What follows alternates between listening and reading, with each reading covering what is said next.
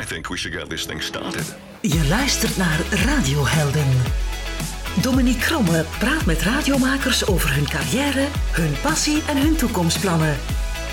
Je vindt Radiohelden ook op Instagram en Facebook.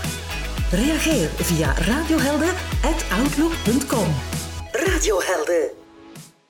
Welkom in Radiohelden met dit keer een icoon van Radio 2, Christel van Dijk. Ze begon haar radioloopbaan op de redactie van Studio Brussel, waarna ze aan de slag ging bij Radio 2 Omroep Limburg. In 1993 volgde ze de legendarische Lutgard Simons op bij Vragen staat vrij. Later presenteerde ze het zaterdag voormiddagprogramma En Nu Serieus, maar ze maakte vooral indruk met het programma De Rotonde, dat zeven seizoenen lang op zondag te horen was. Daarin interviewde ze iedere week een bekende Vlaming. In juni 2021 was ze zelf de centrale gast in de laatste aflevering van dat programma. Daarna maakte ze nog Radio 2 Zintuigen en in oktober van dit jaar zwaaide ze af bij de VRT om van haar pensioen te gaan genieten. Ik moest Christel overtuigen om mijn gast te zijn, omdat ze dacht dat ze eigenlijk niks te vertellen had en we wel op een kwartiertje klaar zouden zijn. Niks is minder waar. Geniet van deze aflevering van Radiohelden met Christel van Dijk. Dag Christel. Hallo, dag Dominique. We hebben even moeten ja, op een afpingpongen om te gaan kijken wanneer we eens met elkaar zouden zitten. Want je zei van, waarom vraag je mij eigenlijk? Ik heb niks te vertellen ik heb over ook radio. niks te vertellen. Ik heb ook een heel slecht geheugen. Dus uh, al mijn herinneringen zitten heel diep ergens, ergens. Dus ik hoop dat ik met jouw hulp... Uh, dat ik ze er even kan, kan uithalen. Maar ja. goed, het zal wat peuter zijn, ja. denk ik. Ik uh, hoop dat je al iets uit je herinnering kunt halen. Wat is je vroegste herinnering aan radio? Radio um, De Postillon. dat is heel vreemd. Dat was een, een, een programma uh, op Radio 1 en uh, de schoonvader van Dirk Somers uh, was daar producer van of presenteerde. Dat was een, volgens mij een toeristisch programma. En dat stond bij ons op, ik denk dat dat een dagelijks programma was, de ochtendgymnastiek. Op, uh, op de radio ja. ook. Elke dag was er ochtendgymnastiek. Dat, dat herinner ik mij nog. Uh, en dan vooral de, de weekendprogramma's. Uh, Jan en Alleman met Jan van Rompuy. Ah ja, ja. Dat, is, dat, is dat, ook, dat zijn ook jeugdherinneringen voor mij. Ja. Um, dus bij ons stond de radio altijd op. Maar dat was zo achtergrond. En we moesten wel heel stil zijn als het nieuws was. Mhm. Mm -hmm. Dus dan, uh, als we aan tafel zaten, het nieuws van 1 uur of 12 uur, uh, dan stilte. Algehele stilte. Ja. Want papa wilde dat uh, altijd horen. Wist je toen al dat je iets met radio wilde nee. gaan doen? Nee. Dat is nooit in, in, in mijn gedachten opgekomen. Ik wist eigenlijk niet wat ik in het leven ging doen. Zelfs niet toen ik kunstgeschiedenis ging studeren. Ik wist absoluut niet wat ik daarmee ging, ging, ging aanvangen. Dus ik heb die studie gewoon gekozen omdat kunst mij heel erg interesseerde. En omdat ik gefascineerd was door Vincent van Gogh. Uh, hij is de drijfveer geweest eigenlijk om voor die richting te kiezen. Ik ben hem daar weinig tegengekomen, maar goed. Um, nee, um, hoe is dat eigenlijk gekomen? Ik heb altijd wel voordracht gedaan en ik heb dictie gevolgd. En um, na mijn uh, studies kunstgeschiedenis uh, moest ik eigenlijk naar huis komen. Ik was afgestudeerd en mijn papa zei, komt je maar braafjes terug naar Mhm. Sint-Job. want ja, ik vond ook niet meteen werk, kunstgeschiedenis. Ook niet meteen iets waar mensen op zitten te wachten. Het onderwijs misschien. Uh, het onderwijs, maar ik moest mijn aggregaat nog wel doen. Um, ja, dat was zo als je... Ja, een, ik was licentiaat, hè, dat is wat Mhm. nu een master is. Dan moest je nog een aantal examens doen, een aantal theorielessen, uh, praktijklessen geven en wat theorie. Dat moest ik nog wel doen. Um, ik had ook niet meteen ambities om, uh, om in het onderwijs te gaan, dat zeker niet. Um, en dan dacht ik, ja, ja, ja, wat, wat, kan ik doen om toch in Leuven te blijven? Ik wou absoluut niet naar Sint-Job-in-Schoor, want ik weet niet of je Sint-Job-in-Schoor kende, maar toen ik jong was, was daar absoluut niks, maar dan ook niks te beleven. En als je zo vier, vijf jaar weg bent geweest, ja, dan, dan, dan, wil, je, dan wil je niet meer terug naar het ouderlijke nest. Mhm. Um, en dan heb ik een, een snoodplan bedacht. Ik dacht, ik ga uh, nog iets bijstuderen, dan mag ik misschien wel in Leuven Leuven blijven. Ik wou zeker niks doen waar ik nog een thesis uh, voor moest maken. Want de thesis, dat was, oh, dat was ja, daar heb ik nog altijd nachtmerries van. Uh, en dan uh, ja, bleek dat er een richting bestond, audiovisuele communicatiewetenschappen. En dat was een postgraduaat. En dat kon je dus alleen maar doen als je al een, een, een licentiaatsdiploma had. Mm -hmm. En ik vond dat wel interessant. Het was één jaar geen thesis. Voilà, perfect. Dus mijn papa zei, oké, het is goed. Ga je dat maar doen. Ik betaal jouw kot nog wel, maar dan moet je wel nog zelf een beetje bijwerken om, om, om je studies te betalen. Dus dat heb ik dan ook gedaan. Ik heb in een aantal cafés gewerkt. Waarom dan die richting? Ah, wel ja, om, ik, ik, ik vond het wel interessant, audiovisuele communicatiewetenschap, maar vooral ook, het was maar één jaar, ik moest geen thesis Maar niet met het plan maken. om daar dan eigenlijk nee, iets mee te gaan doen? Maar nee, het, het enige was, ik wilde gewoon in Leuven blijven. dat was gewoon weg alles. En de, mijn stamcafé, de cafébaas zei van, ja, jij kan hier wel komen werken als student, maar als jij, niet, als jij, als jij geen student meer bent, dan moet ik jou inschrijven en, en, en dat gaat niet. En, dus ik denk, ja, oké, okay, ik, ik, ga die studie doen, ik ga ondertussen wel in een café werken en dan zien we wel verder. Dat was eigenlijk alles. Dus Ja. nee, heel ambitieus klinkt Nee, het niet. Het is Nee. niet dat je een, een, een plan had van ik wil dat doel bereiken hier. Nee, nee, nee, nee. Ik wilde daar blijven. Ondertussen eh, gewoon uitkijken van wat kan ik doen. Ik, ik, ik, ik had dan ondertussen de aggregaatsdiploma gehaald om les te geven. Ik heb dan drie weken les gegeven ook. Maar dan wist ik zeker al van dit ga ik niet doen. En dan zat er heel toevallig... eh, nee, het was zo. We moesten een stage doen. Eh, en ik heb toen gekozen voor de radio. Ik, ik heb toen... aan, een, een aanvraag gedaan voor de sportredactie eh, bij Jan Wouters. Eh, en ik ja, ik, dat was heel vreemd. Ik kwam die radiostudio binnen. ehm was op een zaterdagavond. Het zaterdagavond sportprogramma met Cathy Lindekes Ah, en Koen ja. Meulenaren in de studio.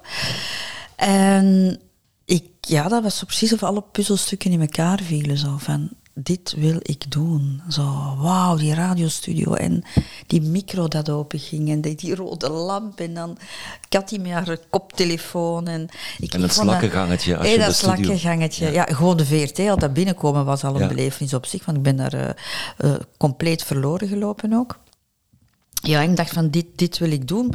Maar dan is natuurlijk de vraag zo van hoe raak ik hier binnen? Voor mij was een VRT zoiets totaal onbereikbaar. Hè. Radio, televisie, dat was iets dat heel ver van mijn bed stond. En ik dacht, dat gaat mij nooit lukken. Nu, toevallig eh, zat er in mijn jaar ehm, iemand, ik ben zijn naam vergeten, die ehm, als losse medewerker bij Studio Brussel werkte. En ik heb hem toen gevraagd, ik zeg ja, als we nog eens iemand nodig hebben. Ik vroeg eerst van hoe, hoe ben je daar dan terechtgekomen? Hij zei ja, ze hadden daar mensen nodig en ik heb auditie gedaan en ik mocht beginnen. Ik zeg ja, als ze er ooit nog eens mensen nodig hebben, eh, laat me dat alsjeblieft weten, dan ga ik toch ook, ook, eens proberen. En denk veertien dagen daarna kwam die al naar mij en die zei ja, ze hebben mensen nodig, want Studio Brussel gaat uitbreiden. Toen, ehm, ik spreek nu van de jaren tachtig, ehm, en toen was Studio Brussel, die werkte alleen nog, enfin, eh, zond alleen maar uit van maandag tot en met vrijdag. Ja. En tot vijf uur of zo. Ja, de, spits, de spitsblokken geloof ik. Hè? En de rest van de ja. dag werd overgenomen, ja. Eh, ik denk dat ze dan een hele dag Ah, toch? Ja, dat toch wel. denk ik wel. Eh, ik ben niet, meer, ben niet zeker. Maar toen gingen ze het weekend ook uitzenden. En Mhm. daar hadden ze dus mensen voor nodig om op de redactie te zitten. En ja, ik heb dan eh, gebeld, of, of ja, ik denk gebeld. Eh, en ik mocht eh, auditie doen. En ik kreeg eigenlijk heel snel het bericht dat ik mocht beginnen. Hoe zag zo'n auditie eruit? Jan Schoukens was toen al baas, denk ik. Die was baas van helemaal van het was, begin. Hè? was baas.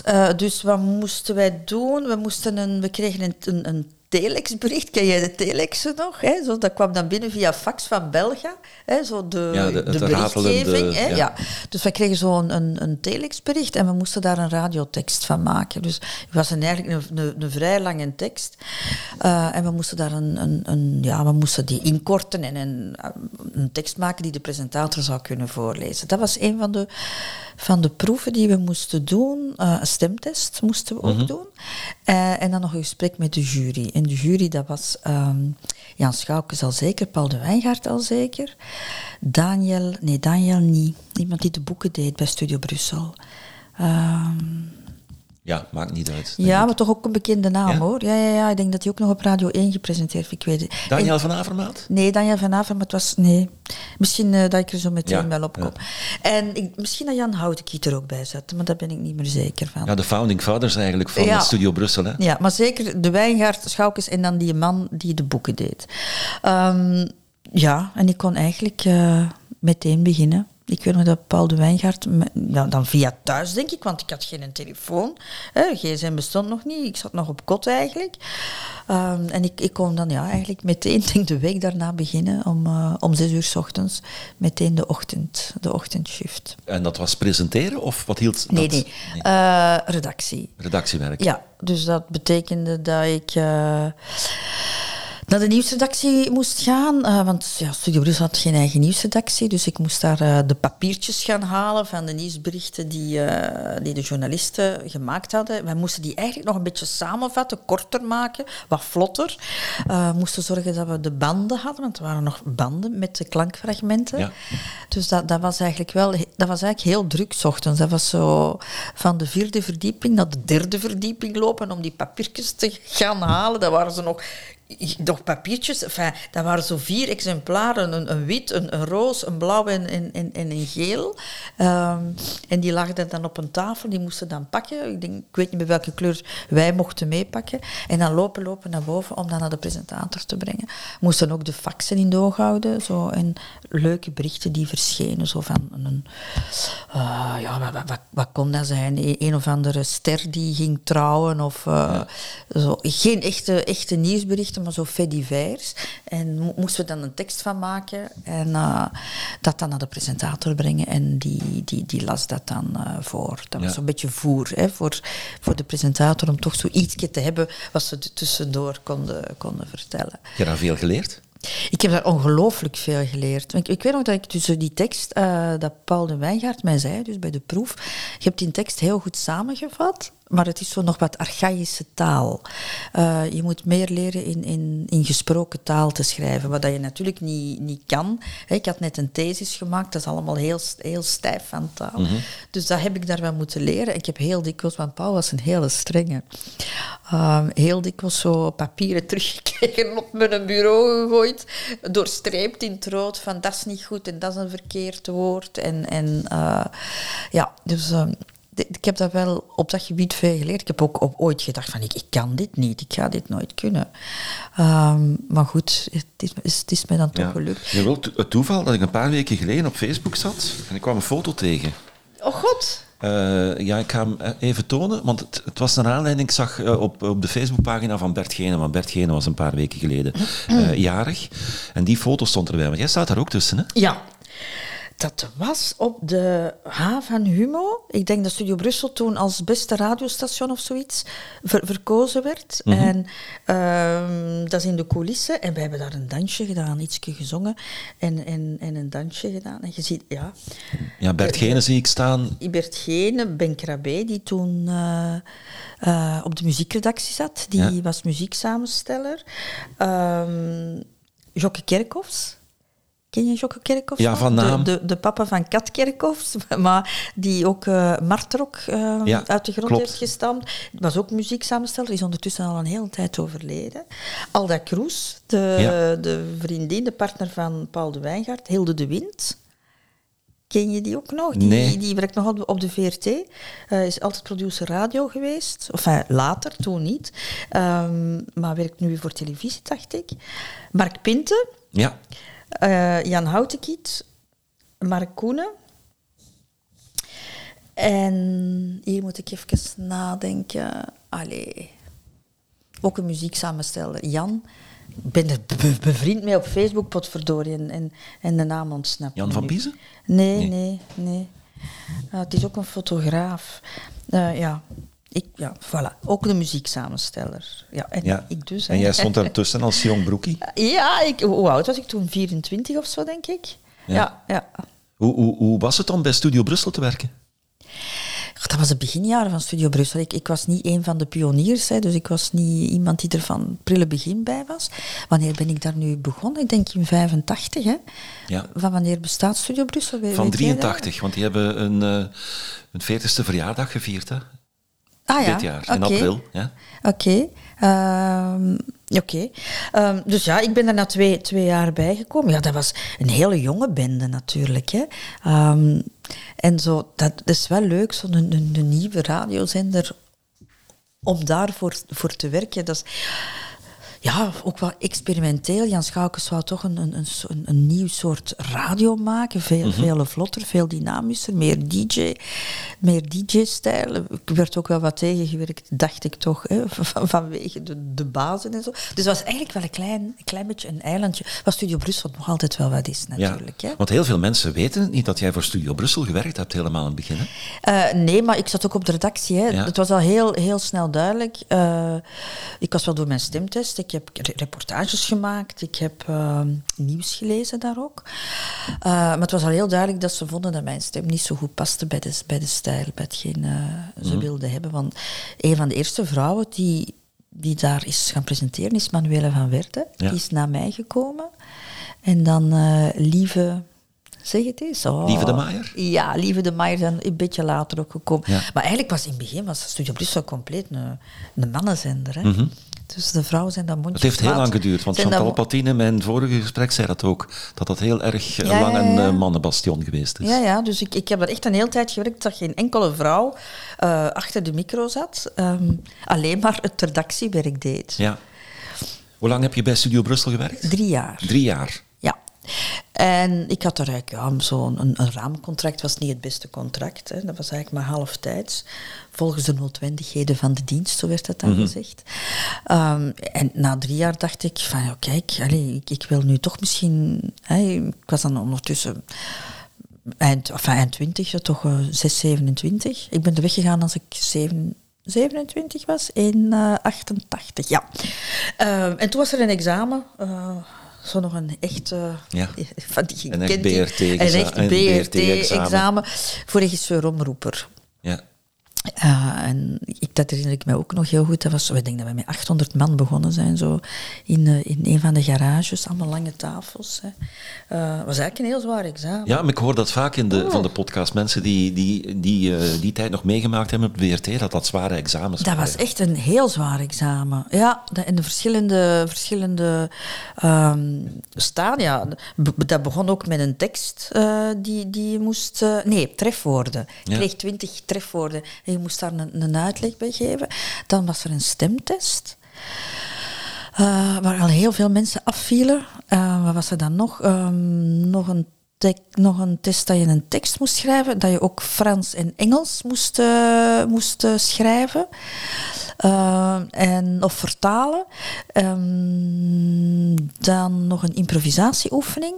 Dus een tweede, een, een tweede stemtest eigenlijk. Ehm, improvisatie. En dan nog een gesprek met de jury.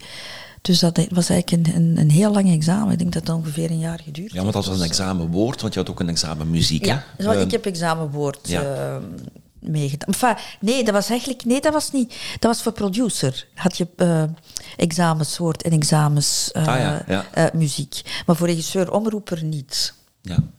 En dan ben je bij, bij Radio 2 of, of bij, bij BRT 2 Omroep Limburg Ja, terechtgekomen. dat was dus zo. Ik eh, denk dat wij een twintigtal afgestudeerd waren. En degene met de hoogste punten, als er een plaats vrij kwam, die, kreeg, die, die mocht eerst beginnen. En dat was bijvoorbeeld Lieve van Gils, zat in mijn, in mijn lichting. En eh, Pascal de Bozere, Mhm. de, de zus van... van eh, die, waren, die stonden in de rangschikking voor mij. Die zijn naar de wereldomroep gegaan. Ik was al heel blij dat ik niet naar de wereldomroep moest. Dat had ik niet graag gedaan. Ik wou eigenlijk, eigenlijk graag bij Radio 1 beginnen. Maar goed, dat is het niet geworden. Dus een bepaald moment zegt men mij van ja, er is een plaats vrij in, in Limburg, Radio 2 Limburg. En ik moet eerlijk zeggen, ik zag daar enorm tegenop. Ja, dat kan ik mij voor, want je, je bent van Antwerpen hè, afkomstig en dan moet je naar Limburg pendelen. Ja, dat om te beginnen. Maar ik zag Radio 2 op dat moment ook niet zitten. Ik associeerde... Ik kwam van Studio Brussel, een hippe zender. Ik was ook nog een, jong meisje. Ik was, ik was eh, 27. Ehm, ik zag dat niet zitten, want toen Radio 2 was toen toch wel iets oudbolliger dan, dan, dan het nu is qua muziek. En, en, ehm, En ja, Nederland, heel veel Nederlandstalige muziek, maar nu heb je heel veel leuke Nederlandstalige muziek. Toen was dat ook wel wat beperkter allemaal. En ik dacht, oh nee, ik zie dat echt niet zitten. Maar goed, ik, uh, ik ging trouwen dat jaar ook in 88. En ik denk van ja, ik wil wel een vast contract, want als ik dan kinderen wil en ook gewoon heel praktisch, heel praktisch nagedacht. En ik ben er dan begonnen en uiteindelijk vind ik dat gewoon mee. Dus uh, ik heb daar hele fijne dingen kunnen doen. Maar natuurlijk, die afstand bleef wel. Hè. Zo elke dag met je auto, want dan, toen moesten wij nog echt elke dag gaan werken. Ook dikwijls hele moeilijke uren. Hè. Ik begon de zaterdag. Uh, toen moest ik soms beginnen presenteren om half zes van half zes tot acht uur was er dan een programma. En dan van acht tot tien moest ik nog de regie doen voor te, te bed. bed of niet te bed. Ja, maar dus dat was eigenlijk wel heel vroeg opstaan. We hadden ook nog nachtuitzendingen toen, hè, tot twee uur. Ik heb ook zo'n aantal nachtuitzendingen tot twee uur gedaan. En dan nog een uur bollen naar huis. Enfin, dat was eigenlijk wel zwaar. Ik had ondertussen ook een, eh, een, een kindje. Um, en toen kreeg ik op een bepaald moment telefoon van, van Paul de Meuler, die toen bij Radio 2 Antwerpen werkte. En die zei me, uh, Simons gaat met pensioen. We zouden graag hebben dat jij Vragen staat vrij overneemt. Ik zeg, Paul, dat kan ik niet. Dat is een legendarisch programma. Ik zeg, dat, dat, dat, durf ik niet. Ik, uh, ik, ben altijd heel onzeker geweest. Ik heb altijd gedacht, de rode draad is in mijn leven is altijd van, ik kan dat niet, ik ga dat niet doen. Maar ik denk dat iedereen die die vraag krijgt op dat moment dat je Lutgard Simons moet opvolgen op de zondagavond, zo'n monument, ja, als je, dan weet je dat dat geen makkelijke opdracht is. Nee, Nee, en, en je, wist sowieso, niemand kan die, kan die evenaren. Hè. En um, ja, dus ik heb er een beetje over nagedacht, maar ik dacht van ja, oké, als, als, als, ik, ik, ik woonde toen in, in Berchem, op 10 minuten van, van. Radio 2 Antwerpen. Dus ook weer even praktisch gedacht. Ik denk van oké, ja, ik, ik, ik, ga dat doen en, en we zien wel. Lukt het mij niet, dan, uh, dan, dan lukt het mij niet. Maar ik was toen zwanger van mijn tweede kind. Uh, en ik moest bevallen in, uh, in april. Normaal gezien ben ik uiteindelijk een maand vroeger bevallen. En Lutgard ging in mei met, met pensioen. Dus ik, dat was eigenlijk al een hele moeilijke. Dus ik heb ook gezegd, ik zeg, Paul, maar ik, ik moet bevallen. En, en allee, ik, ik, wil wel mijn, mijn bevallingsverlof opnemen. En uh, hij zei, maar dat is niet erg. We zorgen wel voor een, een tussenoplossing. Maar ja, kon niet langer blijven, want dat was zo, ja, dan werd hij 65 zeker. En moest hij ook gaan. En dan heeft Albrecht Wouters dat een aantal maanden gedaan. Uh, dus eigenlijk heeft hij uh, vervangen, die, mm -hmm. die, eerste maanden. En dan heb ik het, uh, heb ik het daarna gedaan. Uh, anderhalf jaar weliswaar, maar... Ja, hoe was dat? Goh, ik vond dat wel heel zwaar. Ik heb dat echt heel erg onderschat, dat programma. Dat liep van uh, acht tot half twaalf. Mm -hmm. Dat was echt waar zo'n stapel brieven. Dus dat was bij elke plaat minstens vijf, zes brieven. Um, tussen 9 en 10, dat was eigenlijk wel leuk, nam de wereldomroep ook nog over. Uh, en dan uh, waren er heel veel brieven van mensen hier die uh, een brief schreven naar mensen familie in, in, in, in Zaire, of dat heette toen Zaire nog, denk ik, in Congo. Mm -hmm. Dus mensen in het buitenland, of tante Nonneke die een brief schreef voor, voor haar familie. Dus de Wereldomroep nam dat over tussen 9 en 10. En dat waren wel heel dikwijls interessante brieven, om, omdat je ook, bijvoorbeeld van tante Nonneke, die, die, die wel wat beschreef, uh, haar leven daar. En, en, um, maar dus dat, dat, was wel veel, dat waren enorm veel, veel, veel brieven. Ja, maar misschien voor de, voor de jonge luisteraars die Vragen staat vrij niet kent, uh, die, die, dat was een verzoekprogramma ja. op zondagavond vanaf mm 8 uur. Ik heb daar jeugdherinneringen aan. Voor mij was het altijd van het weekend is nu afgesloten. Ja. Als je de stem van Lutgard Simons hoorde op zondagavond uh, in de auto, dan wist je, ja, morgen is het weer school, weekend afgesloten. Ja. Uh, maar mensen stuurden brieven en, en dan werden er platen bijgedraaid. Ja. Mensen stuurden dus een verzoek, die hadden een verzoek voor een verjaardag of, of voor een huwelijk met ja, een, een verzoekplaat. Hè. Dus mm -hmm. ze vroegen van, kan je dat draaien voor de 60ste verjaardag van mijn papa? Hè. Natuurlijk niet alle platen, want er, waren, er kwamen zoveel brieven binnen, dus uh, die moesten wel wat gegroepeerd worden. Dus niet iedereen kreeg de platen die hij of zij wou natuurlijk. Dat, dat kon ook niet. Maar Etienne Smit was in die periode, daarvoor was Jos Boudewijn, maar Etienne Smit was degene die de programmatie deed, die die muziek samenstelde. Die deed dat wel heel goed zo. Mhm. Dat hem zo wel keek van, oké, die persoon wil zo'n nummer, dat sluit een beetje aan, uh, een beetje aan daarbij. En dus dat waren echt vijf à zes brieven uh, per, per plaat, hè, die die moest lezen, dat moest onderlijnen, want je kon een hele brief ook niet, niet voorlezen. En dan waren er soms mensen die wat ambetant waren, die zo van, ja, je hebt niet alles voorgelezen, of ik heb mijn plaat niet gekregen.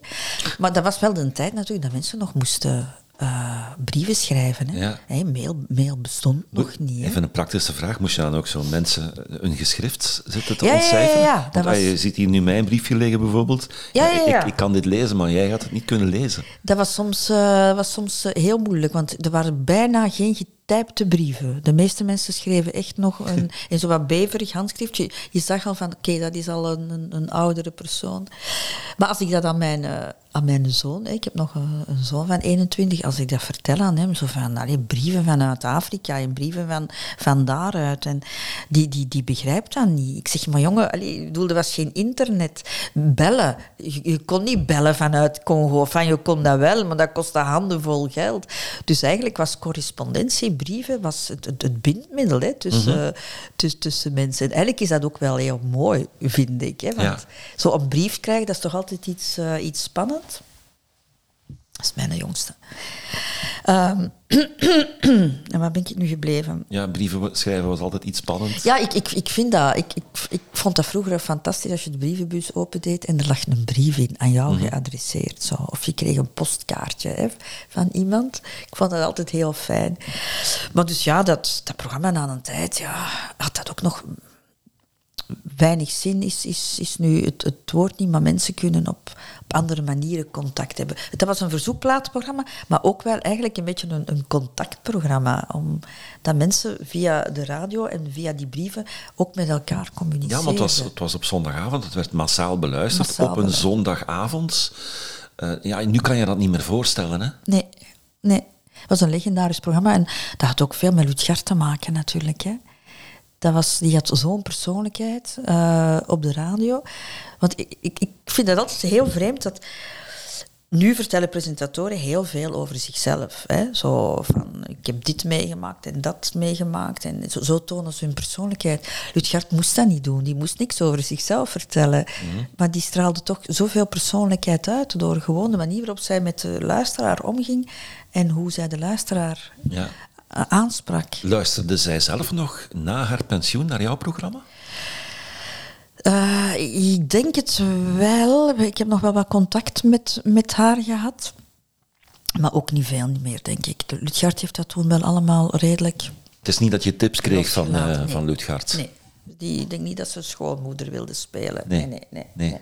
Wat eigenlijk ook fijn is op zo'n moment. Dat ze niet meekijkt over de schouder. Ja, dat is zo. Je moet dat een beetje op je, ja, je, moet dat op je eigen manier doen. Hè. Ik, ik heb nooit geprobeerd om, om, om Lutgard te imiteren. Ik zal iets jonger geklonken hebben, misschien ook iets minder uh, wijs. Hè.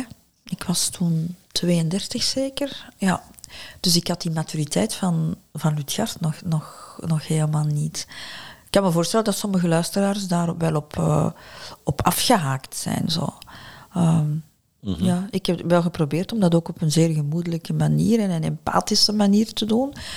Ehm, ik ben nooit zo de, de, de snelle presentator of, of, DJ geweest, dus ik had dan wel denk ik een zekere gemoedelijkheid in mijn manier van presenteren. Maar ja, ik kan dat niet vergelijken. Ik, ik kwam pas piepen. Hè. Ik, uh, ik had vijf jaar uh, micro-ervaring nog maar hè, bij, bij, bij Limburg. Dus, ja. ja. En dan ben je uh, bij Radio 2 een, een dagelijks programma gaan maken.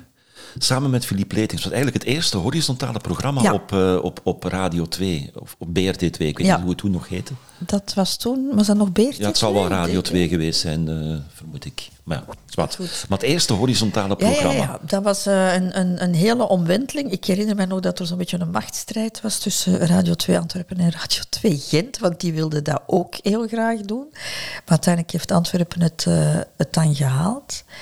Eh Philippe Ratings werkte toen bij West-Vlaanderen, is daarvoor dan naar Antwerpen gekomen. Oh, dat was eigenlijk een zalig programma. Zo, toen kon ook alles. Hè. Dat was zo... Het was een vrij grote redactie, wat nu absoluut niet meer zou kunnen. Ehm, en dan ja, dat dagdagelijkse programma, dat, dat, ja, de, dat was nog nooit gebeurd, behalve dan de, de regionale hè, programma's. Dat, die, die waren ook wel horizontaal, maar nationaal, dat was inderdaad wel, wel eh, helemaal nieuw. Want het waren allemaal eilandjes, hè? Radio 2. Ehm, iedere, iedere provincie had zijn omroep en die droegen bij tot de programmering. Ja, en er was wat concurrentie ook. Nu lachen we daar wel heel erg mee, maar toen was er wel wat concurrentie tussen die verschillende omroepen. Want dus het, het programma met twee, dat ik toen eh, presenteerde, is eigenlijk wat geëvolueerd naar een mediaprogramma. Dus eh, films, nieuwe platen, boeken, eh, dat soort dingen, nieuwe televisieprogramma's. ja, je had ook eh Guy de Pre, die eh, op donderdag... Wat deed hij nu weer? Dat was een, een, een programma waarin hij de nieuwe releases besprak. Dat was niet Goudzoekers, want dat was ook een... eh, Ja, dat was een horizontaal ja, programma. Ja. ik weet ook al niet meer hoe het heet. Nee. Maar dus ja, Guy wou natuurlijk de nieuwe releases, eh, de, de, de, de artiesten in zijn programma hebben. Wij wilden dat graag, dus dat was eigenlijk zo wel een beetje proberen van elkaar af te snoepen. Dan had je nog Radio 2 Limburg met ochtendkuren, die ook wel de grote eh, sterren in, in hun programma wilden hebben. En dat, was- dat was eigenlijk wel soms zo van, zo bellen van, ja, ja, ja, maar wilden niet eerst naar ons komen, niet eerst naar Limburg gaan, niet eerst naar, naar Vlaams, naar Vlaams-Brabant gaan. Nu kan je dat gewoon niet meer voorstellen, dat er zoveel concurrentie is binnen, binnen, één, binnen één radiozender. Ja, want jullie zaten dan een programma te maken in Antwerpen. Ja, Ja. ja. En, en in het begin was dat dan meer een lifestyle-programma? In, in het begin eh, sloeg dat eigenlijk een beetje... Had dat, dat eigenlijk zo niet, niet echt een smoel. Zo. Dat, dat, dat ging zo wel alle kanten uit. Een beetje actualiteit. eh, inderdaad wel wat, wat eh, nieuwe releases, wat nieuwe tv-programma's. Maar dat is wel meer en meer ge- geëvolueerd naar een echt mediaprogramma. Waar dan, Met bekende waar dan Vlamingen. later de madammen en zo is eh, uitgekomen. Ja, ja, ja, ja. Ja, hoe was het om met iemand naast je te presenteren? Ik was dat een beetje gewoon. Ik eh, had in Limburg met Karel Segers, maar ik weet niet of dat je die nog kent. Ja, ik heb, die- eh, ik heb het anderhalf jaar bij Radio 2 Limburg gewerkt. Ah ja, heb jij ik, Karel ik ken, dan? Nee, ik heb die niet meegemaakt, maar ik ken de verhalen van de omroep op de Rodenbachstraat. Ja. dus ik heb met Karel eh, op woensdag tussen 10 en 12 het eerste bedrijf nog gepresenteerd. Mhm. En wij gingen zo op bezoek bij bedrijven om te kijken van hoe, hoe werkt dat hier. En, en dus ik, ik was dat eigenlijk, eigenlijk al een beetje gewoon. Die deed ook een filmprogramma waar ik ook een kleine rol in had, soms. Dus ehm, dat was voor mij niet vreemd. En als ik dat zo bekijk, ik heb eigenlijk heel veel duo-programma's gemaakt. Ja. Dus eh, met Karel, dan eh, met Philippe Letings. En dan eh En Nu Serieus was ook ja, Ja. een, een Daar gaan we het duo-presentatie. zo meteen even over hebben. Eh, ja, met, met Philippe samenwerken. Ja, je moet dan toch een klik hebben om iedere dag een programma te maken. Ik had met Philippe een hele goede klik. Eh, en dat was, Philippe was een baas. Zo, daar kwam het eigenlijk op neer. Philippe bepaalde heel veel, eh, maar ik vond dat heel goed. Ik, ik ben heel goed in het volgen van. Ik weet, eh, Rino Vreken, de baas van, van Radio 2, die toen producer was van Met 2, die heeft mij ooit gezegd zo van, jij bent geen kapitein, maar jij bent een hele goede eerste stuurman. En dat is eigenlijk de rol waar ik mij het meest, ja, in, als ik dat zo bekijk, mij eigenlijk heel goed heb ingevoeld. Van, Ehm, ik kan heel goed volgen, maar ik heb wel mijn eigen inbreng. Dat, dat, dat ik ben geen slaafse volger. Maar Philippe, bepaalde, Philippe en Rino bepaalden echt wel hoe het programma eh, er moest uitzien, hoe het moest klinken. Wat, eh, inhoudelijk overlegden we wel, maar zij hadden een bepaalde visie van zo moet de, ja, de, de nieuwe Radio 2 klinken. We waren wel een beetje vernieuwend. eh. Ja, want op een bepaald moment ja, is dat dan afgeschaft. De omroepen eh, zijn dan gecentraliseerd in, eh, in Brussel. Dan moest je met je programma verhuizen Ja. naar Brussel. Hoe was die, die overgang? God, ik vond dat toen verschrikkelijk. Ehm, ik, ik herinner me nog iedereen heel zenuwachtig. We werden allemaal naar Gent geroepen. Ehm, alle personeelsleden, of uh, presentatoren toch vooral. En zo iedereen van, wat, moeten wij dan nu, wat, wat gebeurt er nu? Enfin, na, na veel vijven en zessen, met heel veel omwegen, kwam het hoge woord eruit. We gaan centraliseren en alleen de regionale programma's blijven.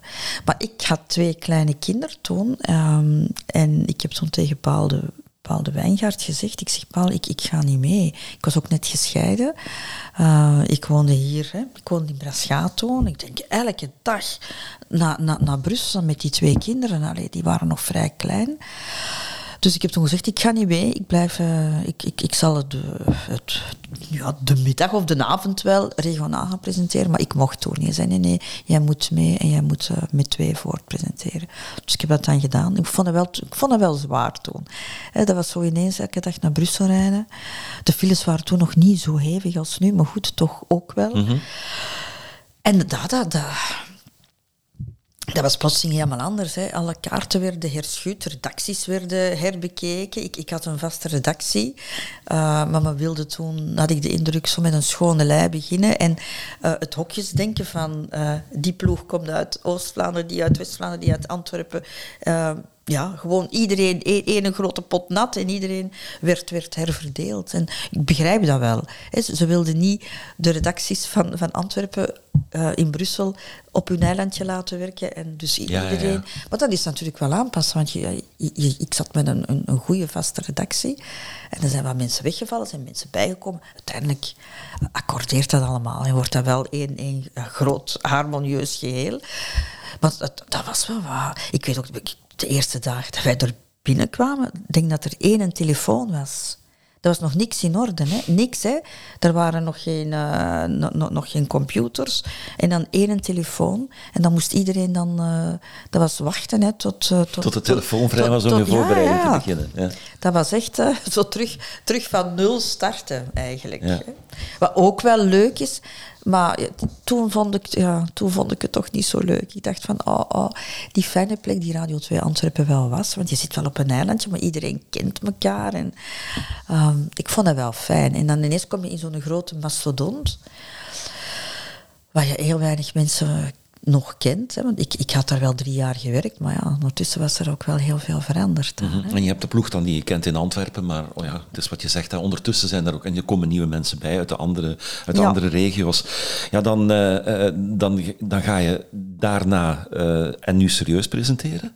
Ja. Dat was de opvolger... Nee, nee, nee, nee. Dat heb, ik heb nog ondertussen, toen dat, dat geëindigd is, er, zijn, er is ook nog een heel mooi filmpje van, ik heb keihard geweend toen, toen we moesten stoppen. Uh, ik, vond, ik vond dat zo'n fijn programma met twee.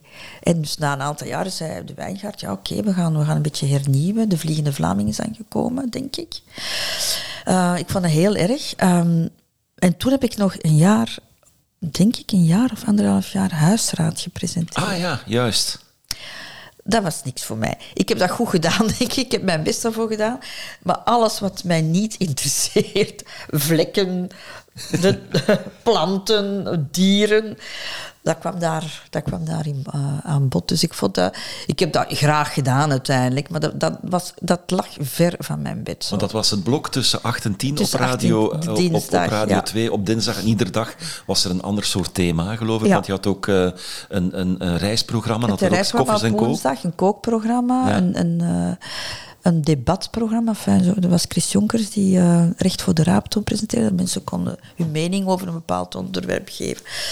Maar ik heb dat uiteindelijk wel graag gedaan, want het was ver, ver van mijn bed. Was dat met Tante Kaat? Tante Kaat, ja. ja, ja Tante okay. Kaat, Ivo Pauws. Uh, ja, die deden plantjes. Ja. Um, en er kwam, dat was een heel populair programma. Hè. Er kwamen ongelooflijk veel, veel, veel vragen binnen. Hè. Dus, uh, dat was eigenlijk een consumentenprogramma. Dat was een, eigenlijk een soort consumenten... Ja. ja. zonder de echt... Alhoewel, we hadden ook de notaris. Mensen die, die wat juridische vragen hadden. In feite wel, ja. Dat was, je kan het misschien wel de voorloper van, uh, van het consumentenprogramma noemen. Ja. ja. En dan, en nu serieus? Nee. Nog niet? nee. Nee, ik was ondertussen ook zwanger van, van mijn derde, uh, die een beetje later gekomen is. Nog een nakomer. Ik ben een tijdje... Te, enfin, ik heb heel lang moeten plat liggen ook. Ik had een heel moeilijke zwangerschap. Ik ben uh, ja, meer dan zes maanden uit roulatie geweest, omdat ik moest liggen. Uh, en dan nog drie maanden... bev- eh, bevallingsverlof. En dan ehm, heb ik de Zevende Hemel nog gepresenteerd. Tussen 10 en 12. Ehm Free Platings presenteerde dat toen. Eh, maar die kreeg een andere functie. Die ging meer een leidinggevende functie. En men had, heeft toen aan mij gevraagd van... Wil jij dat doen? Dat was ook een dagdagelijks programma. Tussen, tussen 10 en 12. Ja. En dat heb ik dan een aantal jaren gedaan. Ben ik daarmee gestopt, omdat ik in 2008 eh, kanker heb gekregen. Ben ik ook weer een, eh, een jaar van toneel verdwenen. En dan heeft Anja dat overgenomen, dacht ik, of Kim de Brie, of afwisselend. En toen kwam ik terug na mijn revalidatie en dan heb ik NU serieus gedaan. Ah ja, want ik zet in mijn tijdsbeeld een beetje verkeerd, denk ik. Want ik, eh, je hebt Katrien en, en Peter die eh, de eh, Zomers en Verschuren zijn opgevolgd. Ja. Jullie zijn daarna gekomen. Ja. Ja, klopt. Ja. En dat heb je dan gedaan samen met Luc Allo. Met Luc Allo, met Jan Verheijen en met Michael Pas. Mhm. Hoe was dat? Och, ik vond het wel heel fijn. Ik, ik moet wel zeggen, ehm, dat programma kwam misschien een beetje vroeg voor mij in die zin ehm, dat ik, dat is een heel, heel intensief programma. Ik heb het in het begin met Luc Allo gedaan. Ik heb heel veel respect voor, voor Luc Allo, maar dat is een beetje een ongeleid projectiel hè? eh, in, in een uitzending. Die, die gaat alle kanten uit. En, en ik was iemand die zeer goed voorbereid was altijd. Eh, maar ik kon mijn voorbereiding eigenlijk altijd weggooien. Want met Luc ging, ging dat alle kanten op. Ik heb daar wel van geleerd om dingen niet te strak te houden. Om eh, dingen los te laten en mee te gaan. Mee te gaan met wat er op dat moment gebeurt. Maar toen, toen ik daarmee begon, dat eerste, ah, eerste mm, half jaar zeker, ik was eigenlijk nog mentaal en, en, en fysiek was ik nog heel zwak. Na, die, ja, na heel mijn therapie, van chemo, eh, radiotherapie. Dus eh, ik, ik was eigenlijk nog heel, heel zwak en, en heel kwetsbaar ook zo. En ik, ik, dat was heel, heel stresserend voor mij. Ik weet dat een van de technici eh, mij zei zo... Om tien uur zie je eruit als een uitgewrongen dweil. En zo voelde ik, ik mij ook. Ik moest daar echt een dag van recupereren. Als ik Ja, maar ik geloof dat als, als je Luc Allo nu in eh, tv-programma's bezig ziet bijvoorbeeld, ja, dat is een bulldozer, hè? Dat is een bulldozer, ja. ja. Maar ik, ik zeg het, ik heb daar ook heel veel van geleerd. En in, in, in het begin wilde ik dat te veel in handen houden. Maar ik, ik, ben dan, ik heb uiteindelijk dan de rol waar ik goed in ben, van ik volg. Hè. En op een bepaald moment liet Luc toch wel dingen los, omdat zijn, zijn, zijn spielerij eh, afgelopen was en hij het niet meer goed wist van waar nu naartoe. En dan, dan kon ik wel, wel inspelen. Ehm, maar ik, ik weet, als, als, ik, als ik thuis kwam, na zo'n zaterdag, wij moesten dan ook dik- dikwijls op verplaatsing, dat ik gewoon in mijn bed moest kruipen. Dat ik zo, zo, zo moe was. Ik moest daar een hele zaterdag van bekomen. Ja, want dat is ook een andere dynamiek van programma. Je doet dat met publiek en, Met publiek, met... Ja, en, ja. en gasten. En er kunnen heel veel eh, dingen gebeuren in zo'n uitzending. En je, je, hebt, je, je hebt je verschillende gasten. Je, had je, je praatgasten, je, je had je, je muzikale gasten. Die moesten allemaal wel aan bod komen. Dus je had eigenlijk wel een heel strikt schema. We zaten met oortjes in. Er werd regie gedaan hè, vanuit, vanuit de wagen. Iemand die zei, laatste vraag, nu afronden. Meestal kwam het erop neer. dat Zo, nu, nu, nu afronden. Hè, zo. En ik zo, En zo vervelend als iemand in je oor zit te roepen Ja, terwijl je ja, ja. een gesprek probeert af te ronden. Dus dat was, eh, ja, dat was wel... eh, ja, en, en Luc kon, kon doorgaan. Hè. Op een bepaald moment was een dat geroep, denk ik, beu in, zijn oor. En dan deed hij gewoon zijn oortje uit. En dan zat ik daar nog alleen met, met mijn oor in. Dus dat waren wel heel, eh, heel intensieve programma's. Ja. Je, moest, je moest wel ja, zorgen dat iedereen aan bod... En dat die laatste artiest toch nog zijn nummer. Want we eindigden meestal muzikaal, die, allee, niks zo erg als een artiest die, die, die maar een half nummer. Hè. Wat ooit was, bij ochtendkuren gebeurde dat bijvoorbeeld heel veel. Hè. Die, die, die babbelden ook altijd te lang. Ik heb ooit nog regie gedaan bij ochtendkuren. En dat we de laatste, niemand wilde graag daar eh, de laatste zijn. Want heel veel kans dat je dat je, je nummer maar, maar, maar, maar een minuut kon brengen en dat de reclame er was. Dus ehm, wij wilden, waar, waar, waar zat ik nu? Ah ja, dat dat dus heel, heel arbeidsintensief was, maar ik vond dat wel heel, heel fijn om te doen. En dan na vier jaar is Luc ermee gestopt. eh, en dan heeft Jan Verheijen het een half jaar gedaan dan Michael Pas een half jaar of een jaar, een jaar. En dan is uh, Jan Verheijen nog een half jaar teruggekomen. En ja, daar waren weer totaal verschillende uh, mensen om mee te werken. En Michael Pas was zo... We vergelijken hem altijd met Kuifje in, in, in Wonderland. Zo. Die had eigenlijk nog niet echt radio gemaakt. Hè. Wel, wel interviews gegeven, maar zelf nooit... Uh, ja, de vragen gesteld en, en, ja, en dan is het programma de, de verwondering. Ja, de verwondering. Dat was wel, wel fijn. En, en die, um, daar had ik plotseling de, de, de, de, leiding. Zo, hij zei van, ja, doe maar, ik, ik, ik volg jou wel. Hij had ook veel minder tijd om voor te bereiden. Dus meestal was het zo dat ik uh, vrijdagavond ofwel naar hem thuis ging om, om alles te overleggen, ofwel zaten we op hotel, als we ergens op verplaatsing zaten.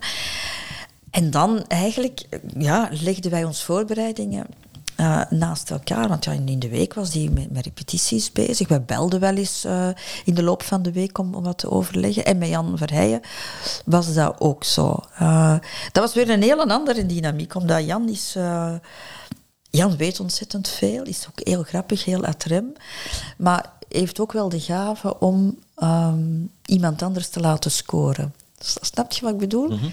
Dus die, die nam wel regelmatig een prominente plaats in, in, in het interview, maar wist op tijd te stoppen en te zeggen van, allee, nu is het nu... Meestal bij Jan legden we ook wel vast zo van, oké, doe jij de lead in dat interview en dan zal ik meer uh, dat interview doen. Dus daar was eigenlijk een, meer een, een, een duidelijke afspraak van uh, hoe, hoe, gaan we het, hoe gaan ja. we het aanpakken. Heb je toen de smaak te pakken gekregen om ja, meer diepte-interviews te gaan doen? Of, of meer in de ziel van mensen te gaan kijken? Uh, ik had wel in de Zevende Hemel, dat programma uh, tussen 10 en 12, ook um, een weekgast. Ik ging bij iemand thuis, um, de huiszoeking heette dat, om ook al te praten over, over bepaalde dingen. Uh, dus ik, ik, ik voelde wel dat dat iets was wat, wat mij lag, om, om wat dieper wat dieper te praten over, uh, over dingen. Maar toen kwam natuurlijk de rotonde. Mm -hmm. en mhm. dan, ja, dan... Wat eigenlijk een, een briljant format is, hè? Ja. Ja. En dat is ook op zo'n rare manier ontstaan, in dat programma. Ik weet niet of dat je weet hoe dat, dat ontstaan nee. is. Nee. De rotonde waar wij het programma ook opnamen. Dat, is een bestaand gebouw. Uh, en dat was vroeger een hotel. Is en we hebben daar ooit met en nu serieus een aantal uh, programma's gemaakt in dat hotel. En ik vond dat heerlijk, want wij sliepen dan in dat hotel. En ik stond s morgens op in mijn pyjama al een koffietje drinken. En ik had toen tegen Felice gezegd, ik zeg, oh, dat zou ik nu plezant vinden om hier, om hier zo elke week te zitten, om hier een programma te maken. En eigenlijk is dat programma gestart met die plek in gedachten. Hoewel we niet wisten of we daar ooit een programma konden maken. Uh, maar zo is Vele, want ik was niet bij de brainstorm. Vele Segers. Vele Segers heeft dat programma bedacht. Um, ja, ze, is vertrokken vanuit de, de naam van het hotel, de Rotonde. En zo nagedacht, een rotonde, wat, wat is dat eigenlijk? Hè? Dat is een, een, een, rond punt waar verschillende afslagen op, op uitkomen en, en waar je moet kiezen welke afslag dat je neemt. En, en soms moet je eens een keer rondrijden, want je hebt er een gemist. Of soms neemt je de verkeerde afslag. Hè? En, mm-hmm.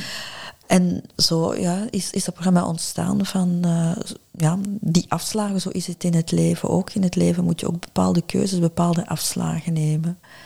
En eigenlijk een heel, heel eenvoudig concept. Hè? Ja.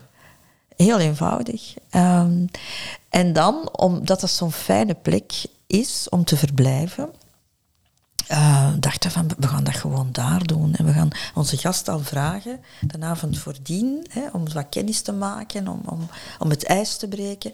En dan s ochtends aan de ontbijttafel gaan we dat gesprek doen. Nu was dat ondertussen geen, geen hotel meer. Uh, en was dat een privéappartement. Dus heeft veel moeten zoeken van wie zijn die eigenaars. Hè. En dan uh, gaan praten met, met hen, zo van zien jullie dat zitten? Omdat uh, twee keer per maand, want we namen er twee op elke keer, om dat twee keer per maand, van maandag tot woensdag, te verhuren. En die zagen dat zitten meteen, mm. dus uh, die, die vonden dat een grandioos idee. En zo is dat eigenlijk Zo is dat eigenlijk ontstaan. Ja, werkelijk iedereen is langsgekomen. Iedereen is langsgekomen. En het rare was dus, Vele had eigenlijk een opdracht gekregen om een, pro- een, pro- een programma te maken met duidelijke richtlijnen. Ze is met de rotonde afgekomen bij de baas toen en die zei, dat is totaal iets anders wat, dat jij, wat dat jij gevraagd hebt. Eh, wat, wat ik gevraagd heb, dat staat er haaks op. En velen zeiden, maar ik, ik geloof heel erg in dat concept. En dan heeft eh, de toenmalige baas, Jan Knudde, gezegd, oké, ik geef jou het vertrouwen. Eh, we zullen zien wat het, eh, wat het geeft. Mhm. En ja, uiteindelijk, in het begin moesten we zo nog naar buiten gaan, moesten er nog andere mensen toekomen in dat hotel, totdat uiteindelijk bleek van de beste stukken in heel dat programma zijn eigenlijk gewoon de stukken aan tafel met de gast, face-to-face, zo- zonder dat er nog iemand binnenspringt of zonder dat we nog een... Ik, ik ging dan ook nog eens bij ja, een, bekend, een, een bekende van die persoon langs eh, om, om iets op te nemen. Hè.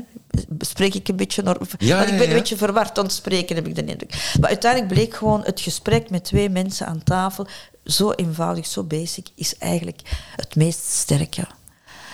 Ehm, En hoe, hoe makkelijk was het om mensen te overtuigen in het begin om, om langs te komen? In het begin was dat natuurlijk veel, veel moeilijk, want je moest heel dat concept uitleggen van en, en, waarom is dat nodig dat wij de avond daarvoor al komen. En, en totdat mensen het, programma eh, wat begonnen te kennen, eh, het ook wel een mooi programma vonden. En eigenlijk meteen ja ze- zegden. En zelfs als ze zo wat zaagden, ik, ik herinner me nog Danny Klein, die ging dan toch komen, wat wel lastig, zo van, ah, ja, en die avond daarvoor, en ik zie dat niet zitten. En, en toen ze wegging, zei ze van, ik snap het helemaal nu. Ik snap helemaal waarom ik hier gisterenavond al moest toekomen. Nu, dat was ook een prachtige setting. Hè. Ik weet niet of je de rotonde kent in Ja, Westende. van, van de beelden. Goh, dat is een, zo een, een, een rond gebouw en wij zaten dus op dat gelijkvloers. Je ziet dat de, de zee, een stukje van de duinen, dat is dus prachtig. Hè. Heel dat, dat gebouw, het is een beetje een, een... Zeker die gangen, dat is eigenlijk allemaal zo wel wat, wat, wat verga- vergaande glorie, waar wij zaten niet. Dat was wel mooi. Ehm, ja, komt daar in in, in een gebouw met een, met een geschiedenis, met, met een ziel. eh, allee, dat was een ongelooflijk groot appartement ook, hè, met, met allemaal verschillende kamers. Iedereen had zijn eigen kamer. Maar om nog even te zeggen, niemand geloofde in dat programma. Eh, het was natuurlijk ook het financiële kostplaatje van, hè, dat, dat kost wel wat. Hè, zo, eh, mensen naar daar brengen. eh, normaal gezien mag je dan met je gasten op restaurant gaan en is er een onkostenvergoeding vergoeding voor de catering. En toen hebben wij gezegd, oké, nee, wij gaan gewoon alles zelf doen. En uh, Veerle, producer, die kookte. Die ging zorg, 's ochtends naar de bakker. Uh, die, die, allee, wij zorgden voor alles. Dus um, wij maakten zelf de beddes op daar, de beddes aftrekken. het eerste anderhalf jaar um, kuisten wij zelfs. Dus uh, de, de, gasten waren weg. De laatste gast was weg op, op woensdagmiddag. En dan begon ons taak. Hè. Moesten wij dus al die beddes aftrekken, de keuken kuisen, stofzuigen. Allee, wij deden daar alles. Tot na anderhalf jaar dat we zeiden van kijk, dat programma begint heel goed te lopen. Dat heeft zo'n goede luistercijfers. Kan er toch geen poetsvrouw? Ik heb ooit nog lakens mee naar huis genomen. Om te wassen. Om te wassen. Allee, je het niet voorstellen. Nee. En dan, dat, dat, was rap gedaan. Die hebben we heel rap naar de, naar, naar, naar de wasserij gedaan. Maar dat kuis hebben wij anderhalf jaar, twee jaar gedaan. Je moest ook de technicus daarin meekrijgen. Want een technicus die ook mee moest kuisen. Maar we hadden twee vaste technici die gelukkig ook meegingen in dat verhaal. En wij waren eigenlijk een huishouden op, op zich. Zo met het kuisen. Vele deed de keuken. Ik deed de, de slaapkamers. En de technicus deed, de deed de living. Ja. zo, het was eigenlijk heel, heel gezellig. Maar zo word je ook wel een heel superhechte heel, ploeg, hè? team. Ja. Is ja, ongelooflijk. Aan, aan, welke gast heb je de beste herinnering? God, dat is een vraag die je mij niet mag stellen, want nee, uh, nee ik, ik, weet dat niet. Nee.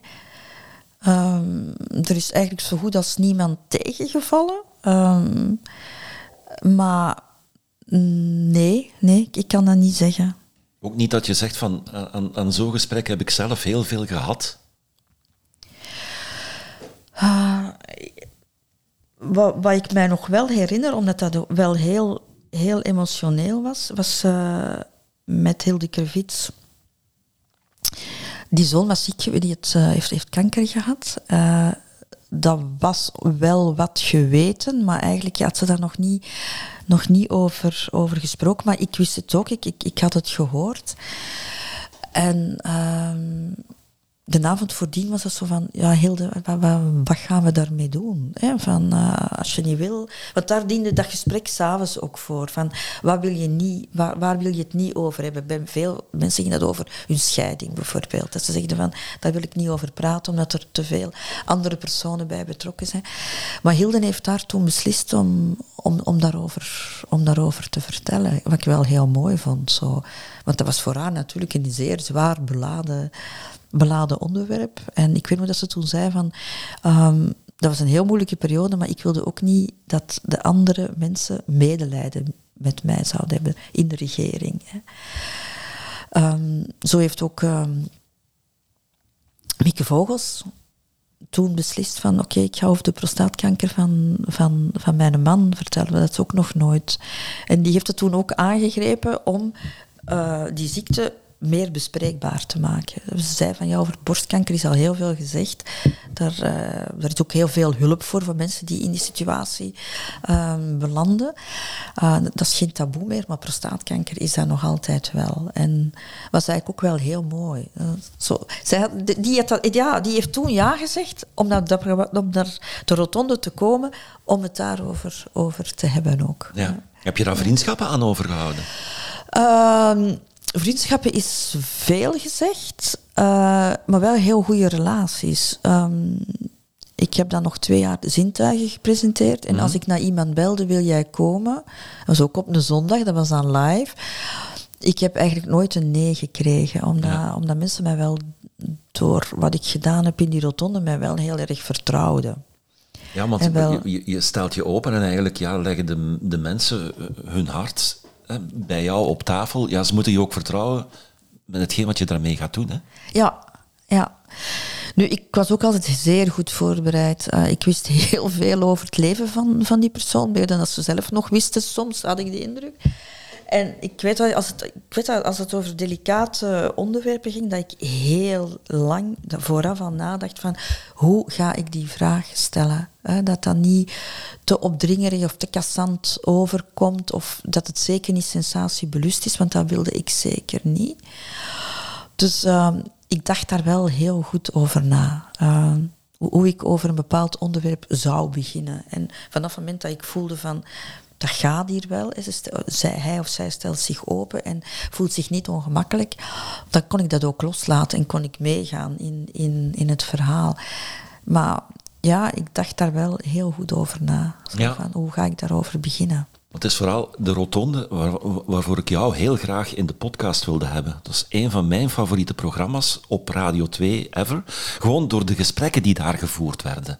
Gewoon door de manier hoe jij mensen, ja, je, je, zegt dat misschien, je bent niet zo'n, zo'n hoe moet ik zeggen, zo, zo'n soort van, je bijt je vast in een gast, uh, maar je laat het heel veel van hun komen, hè? Ja, maar ik had ook wel het gevoel van um, dat dat niet echt interviews waren, dat dat eerder gesprekken waren. Ja, want je zei nu even, vooraleer we aan de opname begonnen, ik heb geen interviewtechnieken, hè? Nee, niet echt, nee. Ik heb ook gewoon nooit een boek over gelezen of zo. Nee, dat waren eigenlijk, eigenlijk gesprekken eerder, omdat ik ook wel iets van mezelf prijsgaf in die gesprekken. Zo, dat ik soms ook iets zei van, ik heb dat toen in zo ervaren en, uh, zo, en hoe was dat bij jou? Dus ik denk dat dat een, ja, is dat een methode? Misschien is dat ook een methode, ik, ik weet niet, maar dat is wel gegroeid. Dat, dat heb ik geleerd, om, om zelf... Ik dacht vroeger, voor een interview moet je zelf helemaal op de achtergrond zetten niks prijsgeven. De gast is de belangrijkste persoon. Dat is nog altijd zo. Maar ik heb wel gemerkt, als je zelf ook een beetje geeft, uh, dat het gesprek makkelijker ja, wordt. Want ik heb altijd gedacht van, het is zo'n sterk format, zou het ook niet goed zijn om dat op televisie te doen? Dat zei Danny Klein. Die ging buiten en die zei van, dit moeten ze op televisie doen. Maar ja, je hebt een aantal programma's die... je hebt het huis, je hebt... Uh, maar dat was er toen nog niet. Dat was er toen nog niet, nee. Maar eigenlijk is dat hetzelfde, hè? Dat is hetzelfde. Je gaat iets eten en mensen zijn losser in een, in een gesprek dan... Ja. Het verschil natuurlijk met het huis is dat je beelden hebt en ook strakker gemonteerd, denk ik. Wij, wij monteerden ook, hè, maar um, niet zoveel. Ik probeerde zo... Ja, soms moet je wel langere gesprekken doen om tot de kern van, van iets te komen. Ja. Het is een overbodige vraag hoor, die ik kan stellen, maar hoe belangrijk was Veerle in dat, uh, in dat programma? Enorm belangrijk. Uh, enorm. Um, omdat zij ja, ten eerste de bedenkster was. Ze heeft mij ook uh, gevraagd om dat programma te doen. Ze heeft mij ook alle vertrouwen gegeven. Um, ik overlegde ook wel met haar, zeker in het begin. En zeker als het over delicate onderwerpen, onderwerpen ging. Van hoe, hoe zou jij dat, dat aanpakken? Uh, vele monteerden ook. En ja, Ver kan heel goed monteren, vind ik. dus dat, dat was ook heel, heel belangrijk. Um, ja, ze heeft dat programma ook met hand in tand verdedigd hè, bij, bij, bij de bazen. Dus zonder haar was dat programma er nooit, nooit gekomen. En dan ook, ja, um, waar ik heel erg veel belang aan hecht, hè, dat is nu radio is ook heel veel, natuurlijk sociale media. Hè, de website was, was toen ook nog heel belangrijk. De teksten die, die geschreven werden. Hè, want je kan um, zoiets uit de context halen door een bepaalde kop te maken. En dat, dat was voor mij elke week een beetje een strijd. Zo van, ik wil geen sensationele kop hebben. Mhm. Wel een kop dat mensen doen lezen of doet uh, naar het programma luisteren of herbeluisteren. Maar niks te, te nee, want dat is het gevaar natuurlijk. Want je haalde het verhaal van uh, Hilde Krevits aan. Dat is de week nadien in het nieuws gekomen. Hè? Ja, toen hebben wij wel met haar uh, besproken uh, dat we daar geen, niet vooraf al iets over gingen zeggen. Van uh, in, he, volgende week in de rotonde het verhaal van Hilde en, en de ziekte mhm. van haar zoon. Dat hebben we vooraf besproken. Ik vond dat heel, heel goed. Dus ook geen artikel vooraf met de kop van... En dat vind ik respectvol. Zo, ja. Ja. Dat, allee, ik heb dat altijd heel erg. Uh, ik heb er ook dikwijls veel voor moeten ijveren. Van, uh, van die kop wil ik niet. Uh, ik vind dat geen goede. Dat is een hele goede kop. Dat is wel een hele goede kop. Maar ik. Ik heb er altijd een heel persoonlijk, ja. Ik vond zo mensen vertelden iets in, in vertrouwen aan, aan enfin, niet, niet in vertrouwen, maar om, iedereen ging dat wel horen, dat wisten ze ook, maar in een context. Je kan heel gemakkelijk dingen uit de context halen, natuurlijk. en, mhm. ehm, ja. Ik was een beetje ouderwets in, denk ik wel. Zo. Ja, maar ja. dus niks ouderwets aan respectvol zijn, hè? Nee. Nee. Uh, zeven seizoenen heb je dat programma gemaakt. Ja. En in, in de allerlaatste was je zelf de gast. Ja. Hoe was die uitzending? God, dat was verschrikkelijk. Ik heb ook heel lang daarover nagedacht. Zo, ik, ik wilde dat eerst niet. En, en, maar mijn baas hebben aangedrongen van... Dat zou het mooiste orgelpunt zijn, het mooiste slot. Maar ik dacht zo, ja, zo over mezelf praten. Niet dat ik, een, ik ben wel een open boek, dus maar ik dacht van, gaan mensen dat interessant vinden? Dat was eigenlijk mijn, mijn eerste bemerking. Gaan mensen dat interessant vinden? En Vera, natuurlijk gaan mensen dat interessant vinden. Jij hebt zeven seizoenen lang of zeven jaar lang uh, mensen geïnterviewd, mensen hun, hun ziel blootgelegd. Nu zijn mensen waarschijnlijk toch ook wel benieuwd van hoe dat jouw parcours, hoe, hoe dat jouw rotonde van het leven eruit zag. Dus ik heb dat dan uiteindelijk toch, toch, toch toegezegd. Um, maar ik, ik, vond dat, ik vond dat heel, heel moeilijk. Um, ook al van wie. Wie, wie, wie gaat dat doen? Ik wilde niet dat iemand van mijn collega's, omdat ik die te goed ken, vind ik dat heel moeilijk om, om dat te doen. En eigenlijk, uh, toen Xavier Taverne uh, te gast was, zei hij van ja, als jij ooit geïnterviewd wordt voor de rotonde, dan zou ik dat heel graag doen. En toen dacht ik, Xavier is eigenlijk wel een goeie. Mhm. om dat te doen. Dus dat, dat was ik al gerust in. Van, oef, ik heb iemand gevonden die ik vertrouw, waarvan dat ik weet dat hij het goed gaat doen. Maar dan uh, was mijn mama net gestorven. Dus. Die was drie maanden ervoor gestorven. En ja, ik wist natuurlijk, ik ga over mijn mama moeten babbelen. Want als ik over mijn jeugd uh, praat, ja, dan is mijn mama een hele belangrijke factor geweest. Mhm. Als het over de dood zal gaan, zal het, zal het over mijn mama gaan. Dus ik was eigenlijk heel, heel zenuwachtig. Ik denk van, hoe gaat dat hier gaan? Ook omdat ik wist dat, heel raar, heel veel van mijn gasten, ik denk 80% van de gasten is ooit beginnen wenen op een bepaald moment tijdens de gesprekken, dat ik ook aan velen zei van, maar hoe komt dat toch dat iedereen zo op een bepaald moment toch emotioneel wordt. Niet tranen met tuiten, maar toch even moeten slikken tranen in de ogen. We zijn heel dikwijls moeten stoppen ook, de opnames moeten stopleggen. En velen zeggen dat is omdat, omdat je eigenlijk twee uur lang denkt je na over, over je eigen leven. Eigenlijk doet je dat niet zo heel veel. Of toch niet zo intensief. En uiteindelijk ben jij zij, een soort uh, psycholoog of psychiater op dat moment. En, en, en, mensen beginnen na te denken en herinneringen komen terug. En vandaar dat dat voor sommige mensen toch wel plotseling uh, op bepaalde momenten toch emotioneel werd. En de meeste, ja, uh, hadden tranen in de ogen. Dus ik wist, bij mij gaat dat zeker zo zijn. Ja, we hebben de opname een paar keer moeten stilleggen, maar dat was ook vooraf afgesproken. Maar ik, ik wilde wel mijn ontroering of mijn emotie uh, tonen. Dat moest niet verstopt worden, maar ik wou geen tranen met tuiten halen op de radio. Dat hebben we ook nooit met onze gasten gedaan. We wilden wel emotie, dat mocht, maar niet iemand zo uh, ja, focussen, inzoomen op de tranen. Mm Ik vind dat niet nodig. Uh, ik vind dat ook weinig, weinig respectvol zo. Um, dus uh, voilà, dat hebben wij, dat, ja, weer hè, dat sensationele hebben wij altijd achterwege gelaten. Ja, was het een mooi moment om de rotonde zo af te sluiten? Eigenlijk wel, ja. Ja, ik ben wel blij dat ik dat gedaan heb. Zo. Um, ik weet wel dat mijn kinderen zeiden van, je hebt wel veel verteld, hè mama? ik zeg, maar ja, ik vroeg dat ook wel wat van mijn gasten. Dan ga ik mij niet achter een scherm zetten. En, en, en mhm.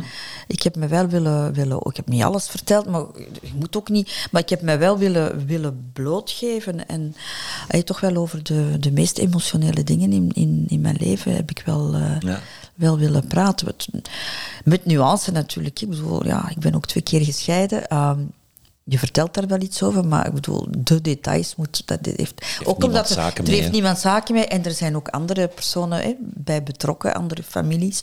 Dus dat, dat, dat, dat doe je niet. Hè. Ben je nog eens terug geweest naar de rotonde? Nee. Nee? Nee. nee. Ook, eh, Nee. Niet, niet, niet zin om daar naartoe te gaan? Nee? Of ja. is het afgesloten nee, nee, nee, nee. Ik zou het toch wel wel eens fijn vinden om daar wel eens een keer te, te logeren. Absoluut. Uh, maar ik ben niet meer terug geweest. Nee, ja. nee, Na de rotonde heb je dan nog uh, uh, zintuigen gemaakt? Mm -hmm. Ja, dat is totaal iets anders. Hè. Ja. Um, dat was een hele aanpassing. Ik vond het een fijn programma om te doen. Ik vond het een heel fijn concept ook. Hè, van hoe staat iemand of, ja, met zijn zintuigen in het, in, het, in het leven. Op zich was dat een, een fijn concept. Maar ja, kijk, dat was een uur. Uh, drie keer reclame zeker. Uh, om twintig over, om twintig voor. Nog eens een keer uh, net, net voor tien uur. Een heel lang nieuws om negen uur. Dus het was eigenlijk een, een, een totaal ander programma. Je, ja, kon, je kon weinig opbouwen. Het was een heel, verknipt, een heel verknipt programma. Ik had dan wel daarna nog de opname van mijn podcast, van De Spiegel.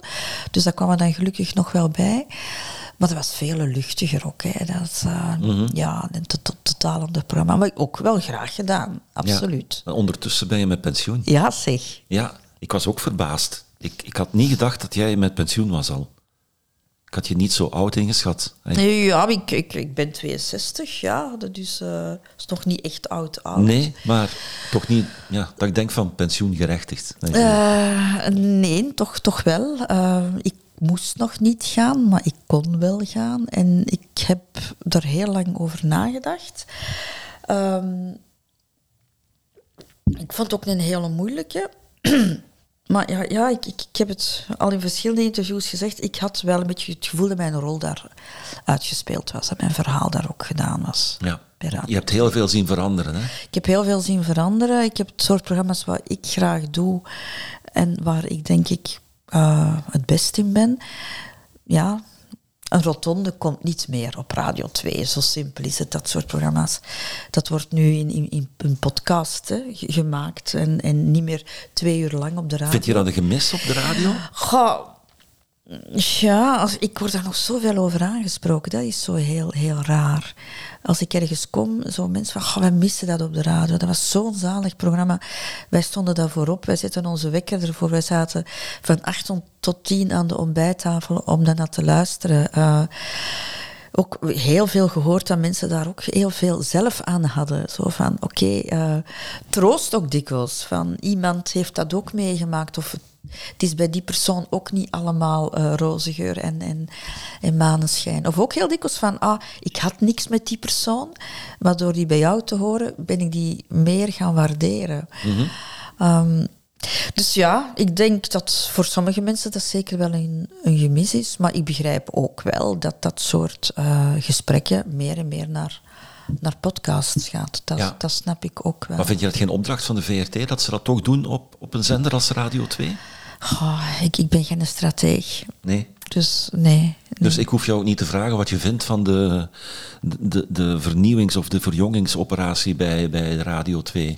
Oh, ik heb daar eigenlijk heel weinig over te zeggen, omdat dat, dat kadert in een visie. Maar ik, ik zeg het, ik ben geen visionair. Ik, eh, nee. Maar, Dus, maar je eh, trekt dan toch de conclusie, ik kan me vervroegd met pensioen.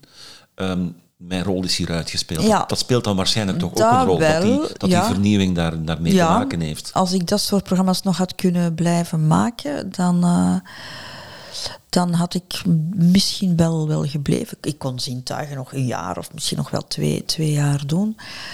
Maar je moet ook wel iets doen, ja, wat je met hart en, en, en, en ziel doet, denk ik. En ja, dus de, de, de kortere gesprekken, ik, ik was daar niet goed in. Zo, hè, de, zo de drie minuten gesprekken, vier minuten. Ik kan dat, als dat moet, kan dat. Maar ik, ik, ik vond dat niet zo fijn om, eh, om te doen. En ik denk van, ja, kijk, dus, er is een hele generatie hè, veertigers die, die nu eh, aan de deur staat te rammelen en die dat ook heel goed doen. Allee, aan rijmen, fantastisch vind ik. Ja, Daan vind ik een fantastische presentator, dus die doen het allemaal heel goed. Dus eh, voilà. Ja, en, en voor, voor jezelf een rol in de media, zie je dat nu nog of niet? Goh, ehm, ik, ik wil zeker geen, geen dagdagelijks programma of ook niet, niet wekelijks. Mocht iemand mij zo zeggen van oh, we hebben nog een, een, een fijn project van een, van een aantal weken of maanden, of, of, of, dan zou ik zeker wel ja zeggen, denk ik. Ja, want je hebt ook een stukje tv gedaan, hè? Ja. dat zag ik ook nog in mijn voorbereiding. Ja. De Drie Wijzen, dat kan me nog herinneren dat je daar af en toe... En je hebt eh, geacteerd hè, in Witse. Eh, Of is- te veel gezegd geacteerd? Geacteerd, je, Witse en, en hoe heet het dat? Eh, recht op recht, dat zag ik op nee, Internet nee. Movie Database. Heb je ook een rolletje eh, gehad? eh, niet, niet, niet recht op recht. Ehm allee, met, met Antje de Boek. Hoe heet het dat nu weer? Ehm, Stille Waters. Stille Waters, ah ja, daar zat hij ook Stille in. Waters. Daar was Ja. ik een eh, televisiejournaliste en in Witse was ik ook een radiopresentatrice die een relatie had met een pastoor. en die al meteen vermoord werd. Eh, ja, dus ik heb meer, ik heb, ik heb lijk gespeeld eigenlijk. Ik, Ja. vond, ik vond het wel grappig dat mijn, een van mijn zonen, die toen eh, nog jong was, die zei, maar eigenlijk had jij wel de hoofdrol, hè, mama, want eh, het ging allemaal om jou in die uitzending. Ik zeg, ja jongen, ik, eh, ik was de hoofdrol. Ja. Je bent nu eh, ja, een maand ongeveer, denk ik, met pensioen, zoiets? Ja, van 1 oktober. Van 1 oktober. Hoe, hoe bevalt het leven als gepensioneerde? Ik vind je dat eigenlijk wel zeer, zeer fijn. Ik heb nu wel nog een aantal dingen gedaan voor, de, voor Boektopia eh, in Kortrijk. Een aantal interviews. Dus daar ben ik nog mee bezig geweest. Ehm, dat vind ik wel fijn. Dus ik, ik hoop wel dat soort dingen nog te, nog, nog te kunnen blijven doen. Of zo. Wat, wat, wat, wat moderaties, eh, ehm, presentaties. Dat, dat hoop ik nog wel te Ja. En, en luister, en luister je nu nog veel naar de radio? maar ik ben eigenlijk nooit een grote radioluisteraar geweest. Dus alleen in een auto eigenlijk. In, in huis heb ik dat eigenlijk heel graag stil. En zeker zo die periodes dat ik ehm, elke dag op de radio was en elke dag met muziek in mijn kop, een koptelefoon in mijn oren. Dan was ik heel blij dat hier, eh, hier thuis de stilte was. Maar ik luister uiteraard wel. Maar ehm, dat is niet het eerste wat ik doe, s ochtends de radio opzetten. Nee. nee. Nee, oké. Christel, bedankt voor het gesprek. We gaan ja, nog, nog wel een keertje van je horen. Hè. Al is het in podcast of ergens Wie weet. in een of ander, ander project. Dankjewel. Weet. Heel graag gedaan. Dit was Radiohelden. Reageren kan via radiohelden.outlook.com. Je vindt Radiohelden ook op Instagram en Facebook. Tot de volgende keer.